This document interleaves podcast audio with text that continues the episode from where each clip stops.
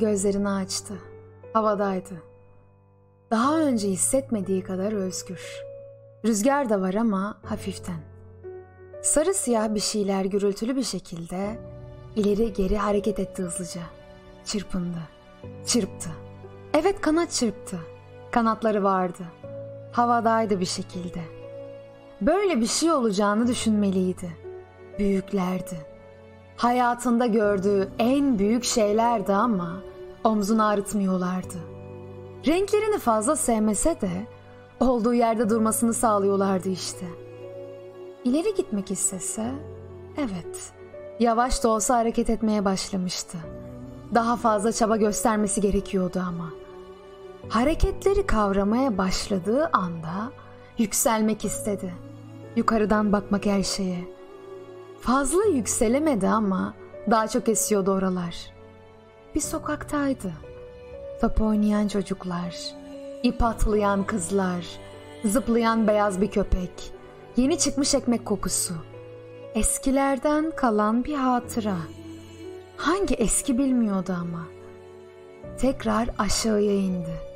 Fark edilmemeye çalışarak kenardan kenardan ilerlemeye başladı. Kocamandı ama sarı, siyah. Zor olacaktı epey. Nereye peki? Nereye giderler ömürlerinin ilk gününde? Tam bunları düşünürken sararmaya başlamış bir yaprak önünden geçti. Yine bilinçsizce atıldı peşinden. Yaprakla birlikte bir yükselip bir alçalıyordu. Küçükken babasının götürdüğü Luna Park'taki gibi çok eğleniyordu. Hani o balerinin eteğinden insanlara baktığı zamanki gibi.